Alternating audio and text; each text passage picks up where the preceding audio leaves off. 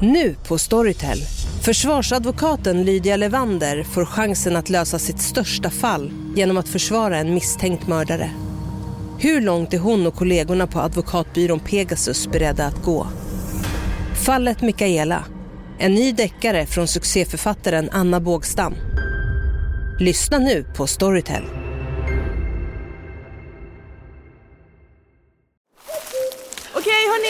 Gänget! Vad är vårt motto? Nej, allt är inte alltid som du tror. Nu täcker vårt nät 99,3 procent av Sveriges befolkning baserat på röstteckning och folkbokföringsadress. Ta reda på mer på 3.se eller i din 3-butik. Hej, Synoptik här. Livet med glasögon ska vara bekymmersfritt. Därför får du 30% på alla glasögon när du väljer Synoptik All Inclusive. All service ingår alltid. Välkommen till Synoptik.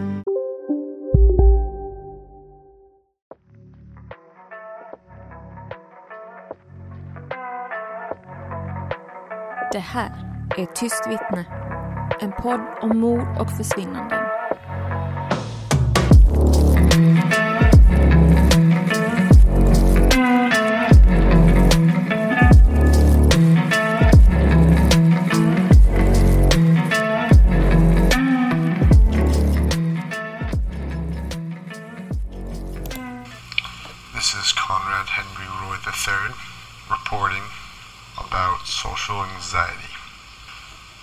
Anxiety to me is the inability to function properly in a manner that you want to in social situations. That's just who you are. Idag kommer vi att ta upp ämnen som berör självmord och självskadebeteende samt ätstörningar. Med det här meddelandet vill vi varna känsliga lyssnare.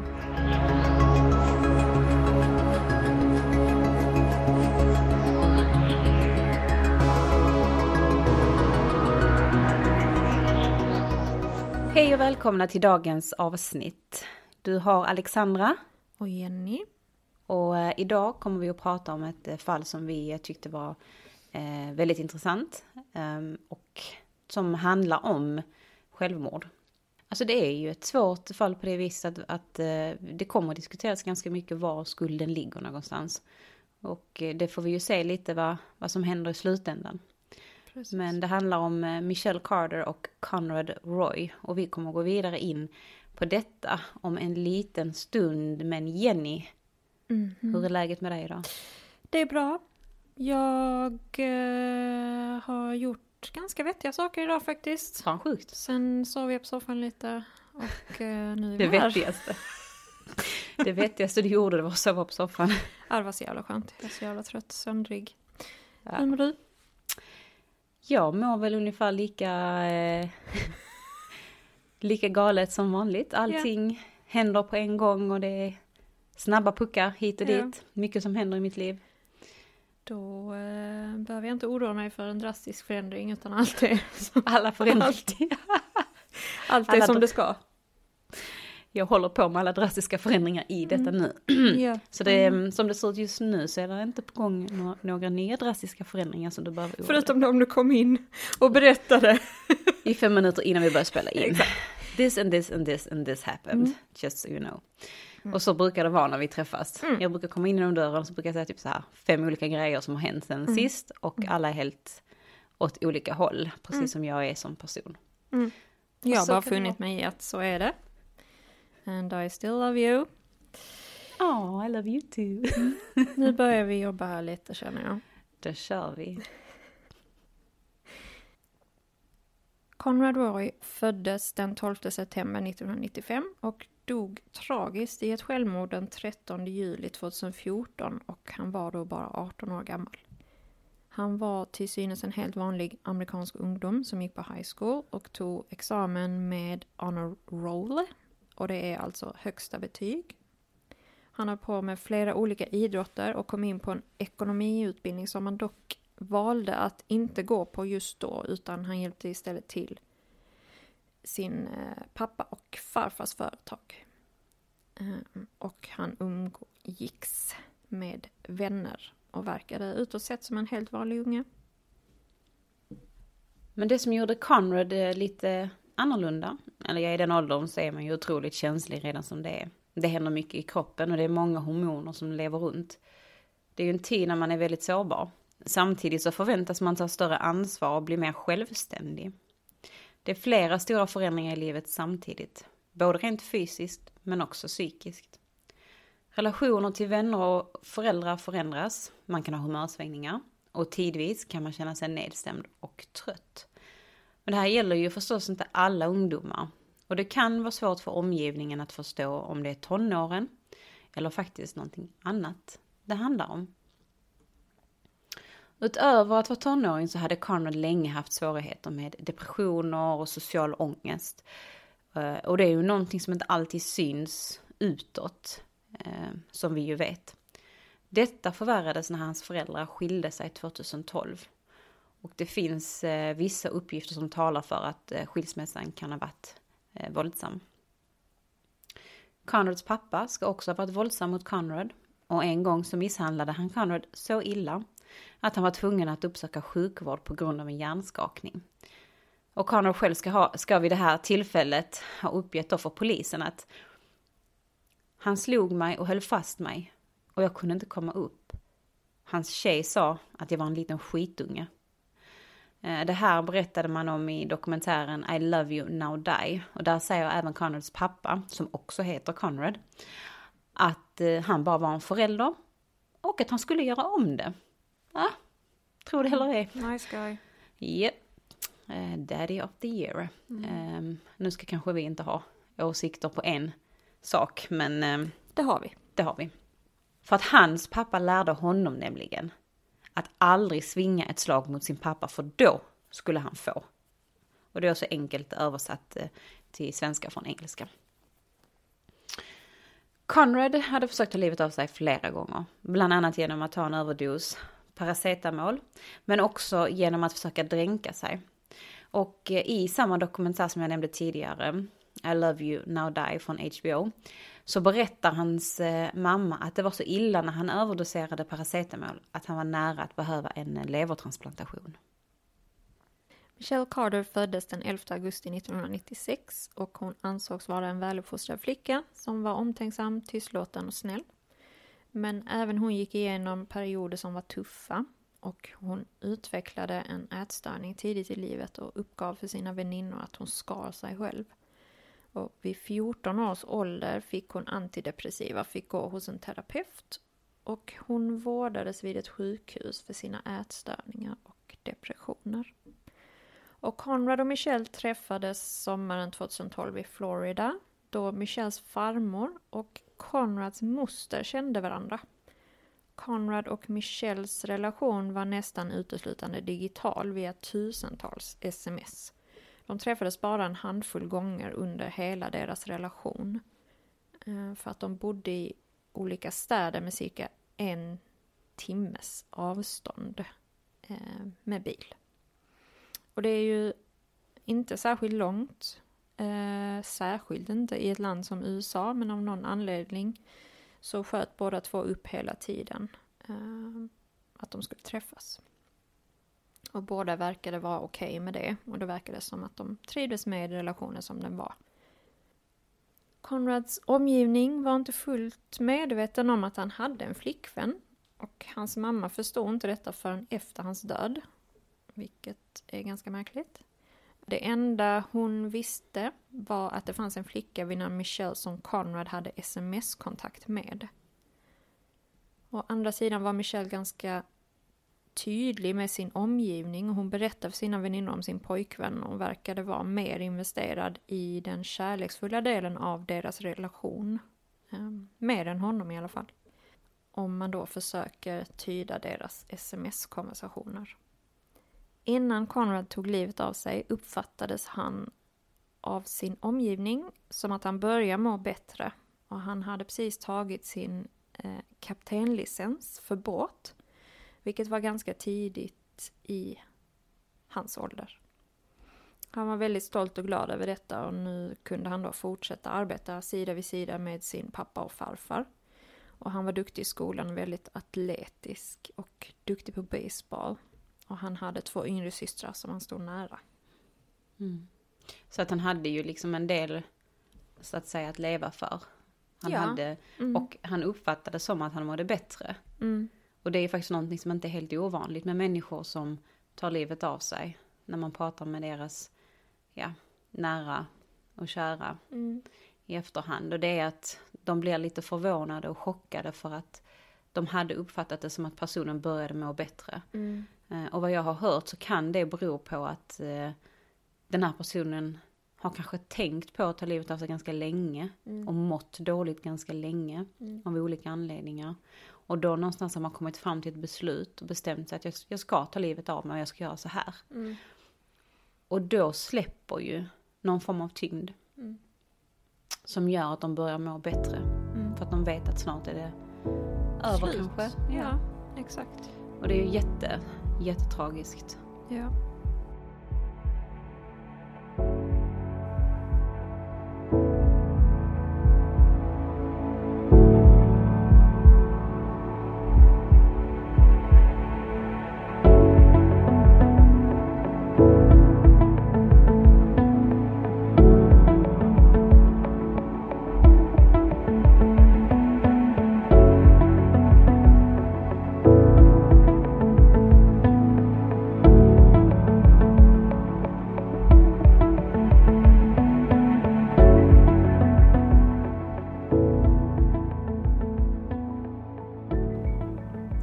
Michelle däremot hade svårt att få vänner. Hon kände sig väldigt ensam och fann tröst i relationen till Conrad. Eftersom de, ja, men de pratade väldigt öppet om sina innersta tankar och känslor. De vänner Michelle hade i skolan, det var flickor som hon umgicks med just i skolan. De flesta flickorna undvek henne och ville inte umgås med henne efter skoltid. Michelle kände sig utanför och skrev vid något tillfälle ett sms till en väninna där hon berättade att hon inte hade några vänner. Hon försökte komma nära de andra flickorna och det kan väl ha uppfattats som eh, något påträngande ibland, får jag känslan av. Eh, de, eh, när de inte ville umgås och inte svarade på hennes sms så fortsatte hon att trycka på genom att skriva upprepade sms till dem. Inte för att sakerna har saken att göra, jag känner igen mig själv. Eh, låt oss fortsätta, inga, inga kommentarer på den. Flera av de här flickorna vittnade vid rättegången. Eh, och det var faktiskt, alltså, och det, det framkommer i, i samma dokumentär jag nämnt tidigare, det gör ont, lite grann, att eh, höra vad de här flickorna säger framför Michelle när hon sitter där. Men eh, där är alltså flera flickor som en och en går upp och vittnar för rätten om att de aldrig ville umgås med henne. Hon hade liksom inte någon eh, särskilt bra social kompetens så hon liksom bara var påträngande, Ja, too much liksom, bara ja, helt ettrig ja. på. Och säkert lite upplevs kanske som av vissa som lite obehagligt och lite jobbigt. Och de är, det är unga tjejer vi pratar om, men de vet inte hur de ska hantera det här kanske Nej. på ett sätt som, som är ett schysst sätt ju. Så att det är samtidigt någonstans kan man tycka synd om Michelle i den här situationen. Samtidigt som hennes beteende kanske inte alltid är rätt eh, och borde ske. Eh,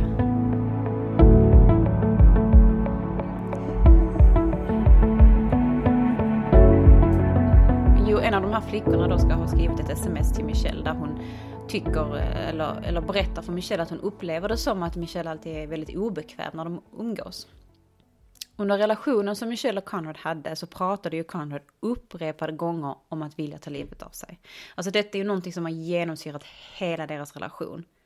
Så trots att Conrads omgivning delvis hade insyn i Conrads mentala hälsa och medvetna om hans flera självmordsförsök så verkade det ändå någonstans som att det var Michelle som var den enda som Conrad anförtrodde alla sina innersta tankar till.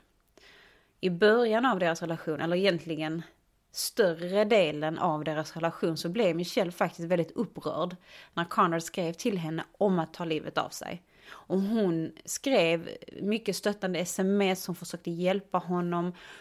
Um, och hon berättade det inte för någon i hans omgivning eftersom han hade sagt till henne att berättar hon för någon så skulle han hata henne. Och hon var ju i ganska stor beroendeställning, tror jag i alla fall, till honom med tanke på att han var ju en viktig relation eh, i hennes liv för att få det här sociala, tänker jag. Ehm, så hon berättade inte det för någon. Eh, men stundtals så blev det antagligen ganska så överväldigande. Det är ändå tusentals sms om mörk olycka och självmord och en konstant påtryckning om det här. Och han ska även ha skickat bilder och skärmdumpar på vapen eller olika metoder då för att ta livet av sig. Och eftersom då hans familj någonstans verkar ha haft tron om att han var bättre så blev det ju ändå någonstans Michelle som fick ta hela hans olycka på sina axlar. Conrad kunde också behandla Michelle ganska så dåligt och kalla henne olika skällsord. Och i dokumentären så diskuterar man att relationen ska vara destruktiv från båda håll. Alltså ganska så destruktiva individer och beteenden. Den utåt sett välvårdade flickan Michelle, hon gav sig ett helt nytt ljus i medier. Allmänheten och media såg henne som en kallhjärtad person som bar ansvar för sin pojkväns självmord. Och där drogs hon genom smutsen. Eh, och man skrev om henne som en hemsk person. Och varför man gjorde det här, det kommer att, att framkomma här vidare. Söndagen den 13 juni 2014 så dör Conrad Roy genom självmord. Han förgiftas av kolmonoxidånga i sin bil på en Kmart-parkering i Fairhaven, Massachusetts. Han har då varit försvunnen några timmar, hans familj har letat efter honom utan att hitta honom, utan det är till slut polisen som eh, hittar bilen på parkeringen. Under perioden som han har varit försvunnen så har Michelle haft kontakt med hans eh, ena lilla syster där hon bland annat har frågat om man har hittat honom. Trots detta ska hon ha varit i kontakt med honom under tiden som han avlider. Vad har hon då, vad har de skrivit till varandra? De pratar telefon. Ah, de Samtidigt. Telefon. Okay. Och sen skriver hon ett sms Mm. till en väninna att jag kunde ha stoppat det här. I fucking told him to get back in the car. Som vi nämnt tidigare så var Michelle och Conrads relation eh, till största del via sms och den varade i nästan två år innan han då tog livet av sig. Och det finns 4200 sms mellan dem. Så det är ett sjukt mycket Det är många. Och genom dessa sms kan man få en inblick i relationen. Det var en blandning mellan kärleksfulla sms och sms om hans psykiska smärta och vilja att ta livet av sig. Och det var ganska tydligt att Michelle inte ville att han skulle göra det. Eh, till största delen. Och hon erbjöd honom eh, råd och hjälp. Och bad honom också att söka hjälp. Och vad var det då som egentligen hände som kom att leda till en rättsprocess? Den 2 juli 2014 så uppger man att Michelle vände och såg hennes möjligheter att hjälpa Conrad på ett helt nytt sätt. Och tydligen då enligt försvararsidan så började Michelle nu inse att det enda sättet att hjälpa Conrad på riktigt var att hjälpa honom att dö. Och därför började hon hålla med honom istället i hans tankar kring självmord och hjälpte även honom planera. Hennes sms var nu stöttande och kärleksfulla gällande att han faktiskt skulle dö. Och Conrad reagerade positivt på Michelles förändrade beteende och han blev också mer kärleksfull mot henne och tacksam Särskilt då hon hade lovat honom att ta hand om hans familj. Och det var så det hela började, men det skulle snart få en ganska obehaglig vändning där Michels stöttande gick ifrån tjatande till att i princip kräva att han skulle ta sitt liv. Om det här inte skapar tillräckligt med olustiga känslor hos dig så ska vi nu gå igenom lite av de smsen som skickades mellan paret dagarna innan Konrads död. Ja, och vi eh, har dem framför oss. De är på engelska förstås. Men vi ska översätta dem lite lätt på eh, svenska samtidigt som vi läser. Och vill ni läsa de eh, riktiga smsen så finns de på nätet. Så Michelle skriver ett sms här där det står att eh, hon tror ju att hans föräldrar vet att han är på en dålig plats, alltså mentalt. att han mår dåligt. Och att eh, hon, det är inte så att hon eh, tror att de vill att han ska ta livet av sig. Men någonstans att de kanske har accepterat att det är så det kommer att bli.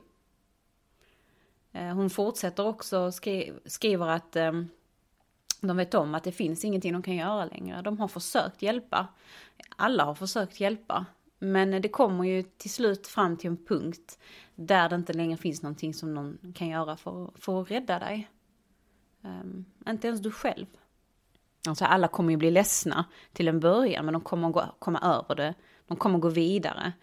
Mm, och då blir ju Konrad glad över detta för han bara åh så gulligt, tack så mycket Michelle. Han bara okej, okay, that's dysfunctional. Och hon fortsätter och säger att de kommer gå vidare för att de vet att det är detta du ville. Och de hade inte velat att du skulle fortsätta vara eh, ledsen och deprimerad. Och du behöver sluta tänka på detta och bara göra det. Du har allting du behöver. Du kan inte misslyckas. Och ikväll är kvällen. Det är nu eller aldrig. Kommer du göra det idag? Frågetecken. Han eh, tvekar lite grann och hon bara, du tänker för mycket, du ska bara göra det. I princip. Så att hon liksom äggar på honom där. Mm. Och sen säger hon ju faktiskt till honom exakt hur han ska göra. Gå in i din bil, kör mm. till en parkering någonstans. Mm. En park eller liknande. Gör det tidigt, gör det nu. Så Michelle hjälper alltså Conrad att planera sitt självmord in i minsta detalj.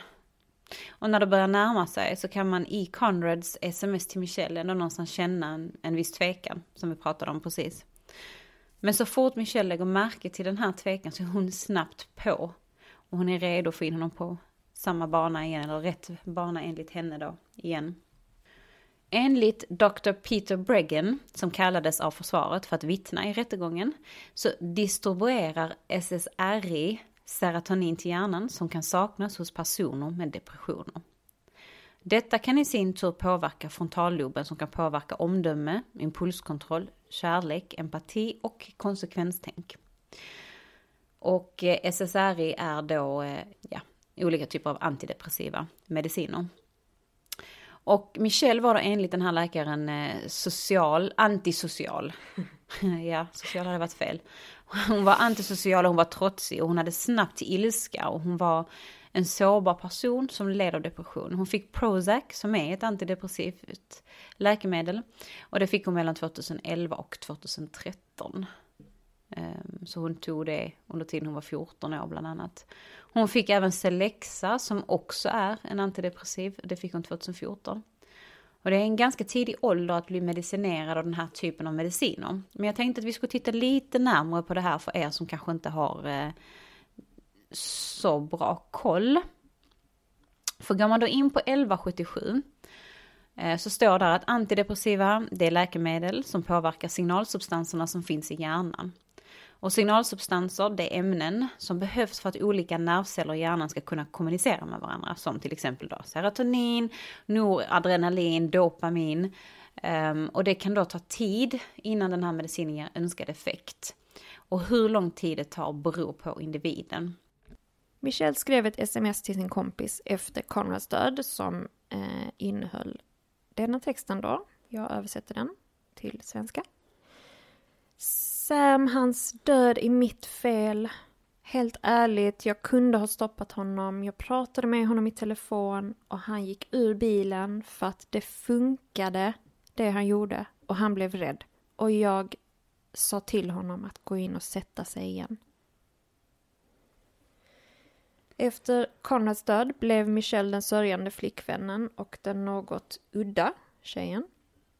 Okej, okay. det var ett snällt ord. Som var utanför. Fick då plötsligt mycket uppmärksamhet. Vänner tröstade henne, främlingar tröstade henne. Conrads familj tog in henne. Hon anordnade olika event för att skapa stöd för psykisk ohälsa och omgivningen uppfattade henne som glad under denna perioden och detta var då något som sågs som negativt under rättegången.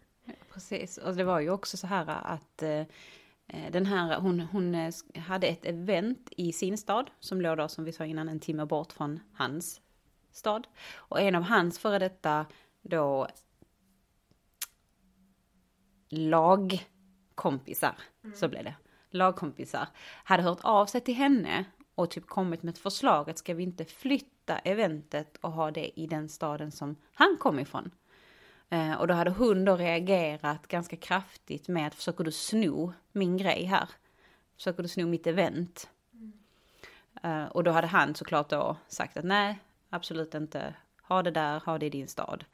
Eh, och så. Och man hade, hans lagkamrater hade ju varit där och man hade ju uppfattat henne som på gott humör, och inte mycket selfies, mycket bilder, gick runt och skrattade och du vet så här. Så att det är väl lite det som, det här beteendet. Sen beter vi oss alla olika när vi har varit med om saker. Man kan aldrig veta egentligen varför hon nu kanske haft ett visst beteende. Men det var någonting som, som man då ansåg var någonting negativt under rättegången. Ja men alltså, helt ärligt. Varför skulle hon ha det eventet i sin stad? Alltså han var ju inte där, hans vänner kom ju inte därifrån. Hans familj Alltså kom kom inte igen, de därifrån. har smsat varandra. Men det kändes liksom kanske lite som att det skulle kretsa kring henne Ja. och inte honom egentligen. Mm. För det var ju dödssynd av henne. Verkligen. Dr. Peter Breggin vittnade till försvarets fördel under rättegången och uppgav då att Michelle blev upprörd över Conrads ständiga vilja att ta livet av sig. Hon ville att han skulle söka hjälp och det var nog verkligen så att hon ville hjälpa honom. Med tiden ökade hennes frustration över hans beteende och Conrad hade övertagit i relationen och övertygade Michelle att hjälpa honom att ta livet av sig. Så det var så de la fram det. Precis. Enligt Dr. Breggin så var hon involuntarily intoxicated, vilket är ofrivilligt berusad på grund av sina mediciner och detta gjorde henne bland annat psykotisk, vilseledd och onårbar under perioden när hon uppmuntrade honom att ta livet av sig. Dr. Breggin blev ganska så tilltryckt under rättegången av åklagaren vid en utfrågning. Bland annat så undrade åklagaren hur det var möjligt för Michelle att fungera som normalt, ha kontakt med en terapeut, åka på läger, umgås med vänner, ha en övernattning med vänner då, men ändå vara psykotisk. Och detta hade han, doktorn, svårt att svara på. Och det finns ljudfiler på nätet från detta som man kan lyssna på. Och det är ganska smärtsamt att lyssna på detta när hon upprepade gånger ställer samma fråga till honom och han inte klarar av att svara på det. Under slutpläderingen sa försvaret att det handlar om ett självmord och inte ett mord. Försvaret ansåg att den ansvariga för Konrads död var han själv och det finns mycket dokumentation som styrker Konrads mående och vilja. Istället utnyttjade han Michelle för att slutföra sin plan. Han berättade inget för sin egen familj för att han ville undvika att bli inlagd. Det finns en lång historik med flera självmordsförsök. Och han skrev till Michelle att det inte fanns någonting som någon kunde göra. Och det här är ju så himla svårt på något vis. För att där, jag tycker ju ändå att försvaret har vissa delar som är ganska så, ja, vettiga. Delar som jag kan tycka att ja, det här tycker jag ändå stämmer någonstans. Så att frågan är ju vad är det det här handlar om? Det hela slutade med att Michelle dömdes. Men vad dömdes hon för? Involuntary manslaughter, alltså ofrivilligt dråp. Och i Massachusetts så är det inte olagligt att ta livet av sig. Det är inte heller olagligt att hjälpa eller assistera en, pe- en person att ta livet av sig. Men trots detta så dömdes alltså Michelle. Eh, och vi tänker ju då på det här med att hon faktiskt inte gjorde någonting för att eh, ja, men stoppa honom eller sätta stopp för det han, han höll på med. Och det i sig är faktiskt heller inte olagligt. Det finns ingen lag som kräver att en vanlig medborgare ska stoppa ett pågående självmord.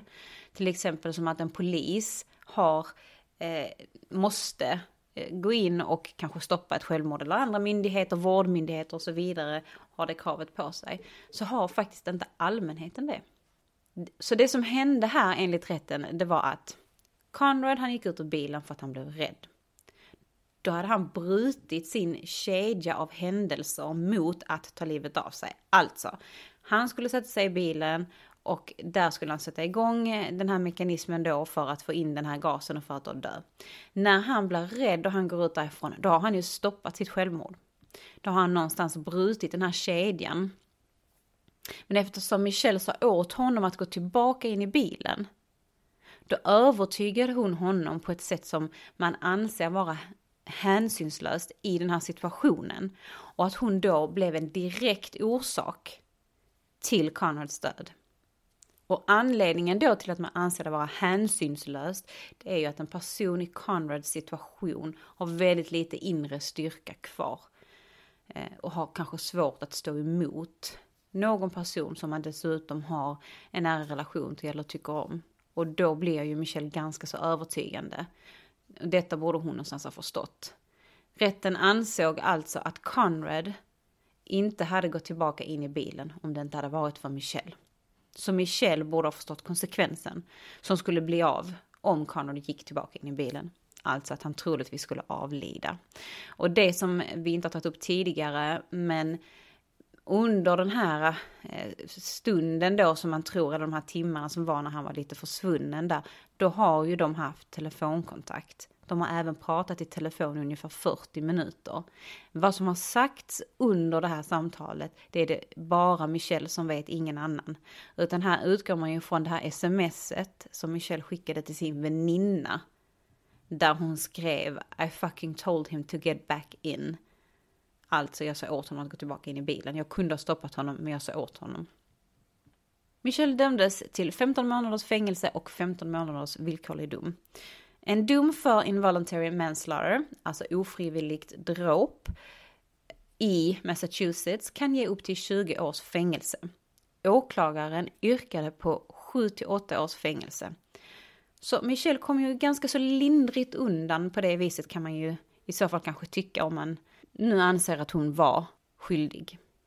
Ja, så det här är ju ett ganska så intressant fall med tanke på hur komplicerat det är. Samhället eh, här var ju ganska så uppdelat i kring eh, huruvida Michelle var orsaken till Conrads död eller Conrad själv hade orsakat sin död. Och var någonstans går egentligen gränsen? Vad är det som är kriminellt? Och vad är det som är omoraliskt? Vad tycker vi här i den här situationen? Hur tror ni att det svenska rättssystemet hade dömt i ett liknande ärende? Eh, jag själv tror inte att någon hade dömts för detta i Sverige. Och det är väldigt klent straff hon fick. Det ska vara antingen eller. Alltså, vad fan är 15 månader? Ja, men jag håller med dig. Jättekonstigt. Döms hon för dråp så döms hon för dråp. Liksom. Exakt. Då får man ju ge henne ett straff därefter. Exakt. Jättekonstigt. Eh, men ja, det var bara vad mm, vi tyckte. Vi vill nu höra era åsikter, så dela med er på våra sociala medier. Facebook, Tyst vittne the podd och Instagram, Tyst vittne the podd. Och när vi fått in tillräckligt med åsikter och tankar så kommer vi sända ett extra avsnitt där vi läser upp de här och diskuterar lite. Och glöm inte att gilla och följa våra sociala medier och lämna gärna en kommentar och fem stjärnor på vår podd. Om ni gillar vad vi gör. Ja, exakt. Såklart. Eh, målet är ju att vi ska lyssna på detta avsnitt och sen längre i framtiden och bara cringe! Ja, vi kommer ju... Så mycket bättre ska vi bli. Ja, så mycket bättre ska vi bli, precis. Att vi have patience, people. Ha eh, tålamod. Eh, det kommer att bli superbra det här. Mm. Och vi ser verkligen fram emot att höra ifrån er för att då kommer vi kunna gå in lite djupare i vissa delar av det här fallet beroende på vad det är ni tar upp. Precis. Kom ihåg, skicka bara snälla sms och ta hand om er. Bye! Bye! Hej då! Var snälla där ute. Var snälla. Gå i skolan, säg nej till droger och våld. Ja. För fan. Fan vad kul nu om jag hade bara tittat ner så här och sen så hade den inte varit röd. Kul! Jag hade dödat dig. Alltså, sorry. Not sorry.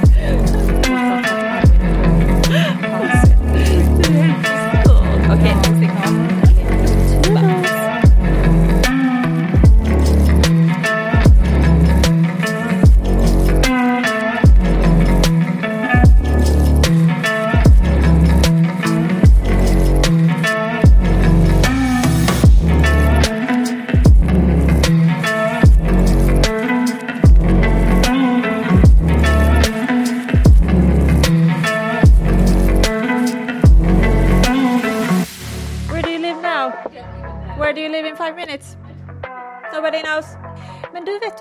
skulle ju bara kunna köpa en lastbil och köra runt.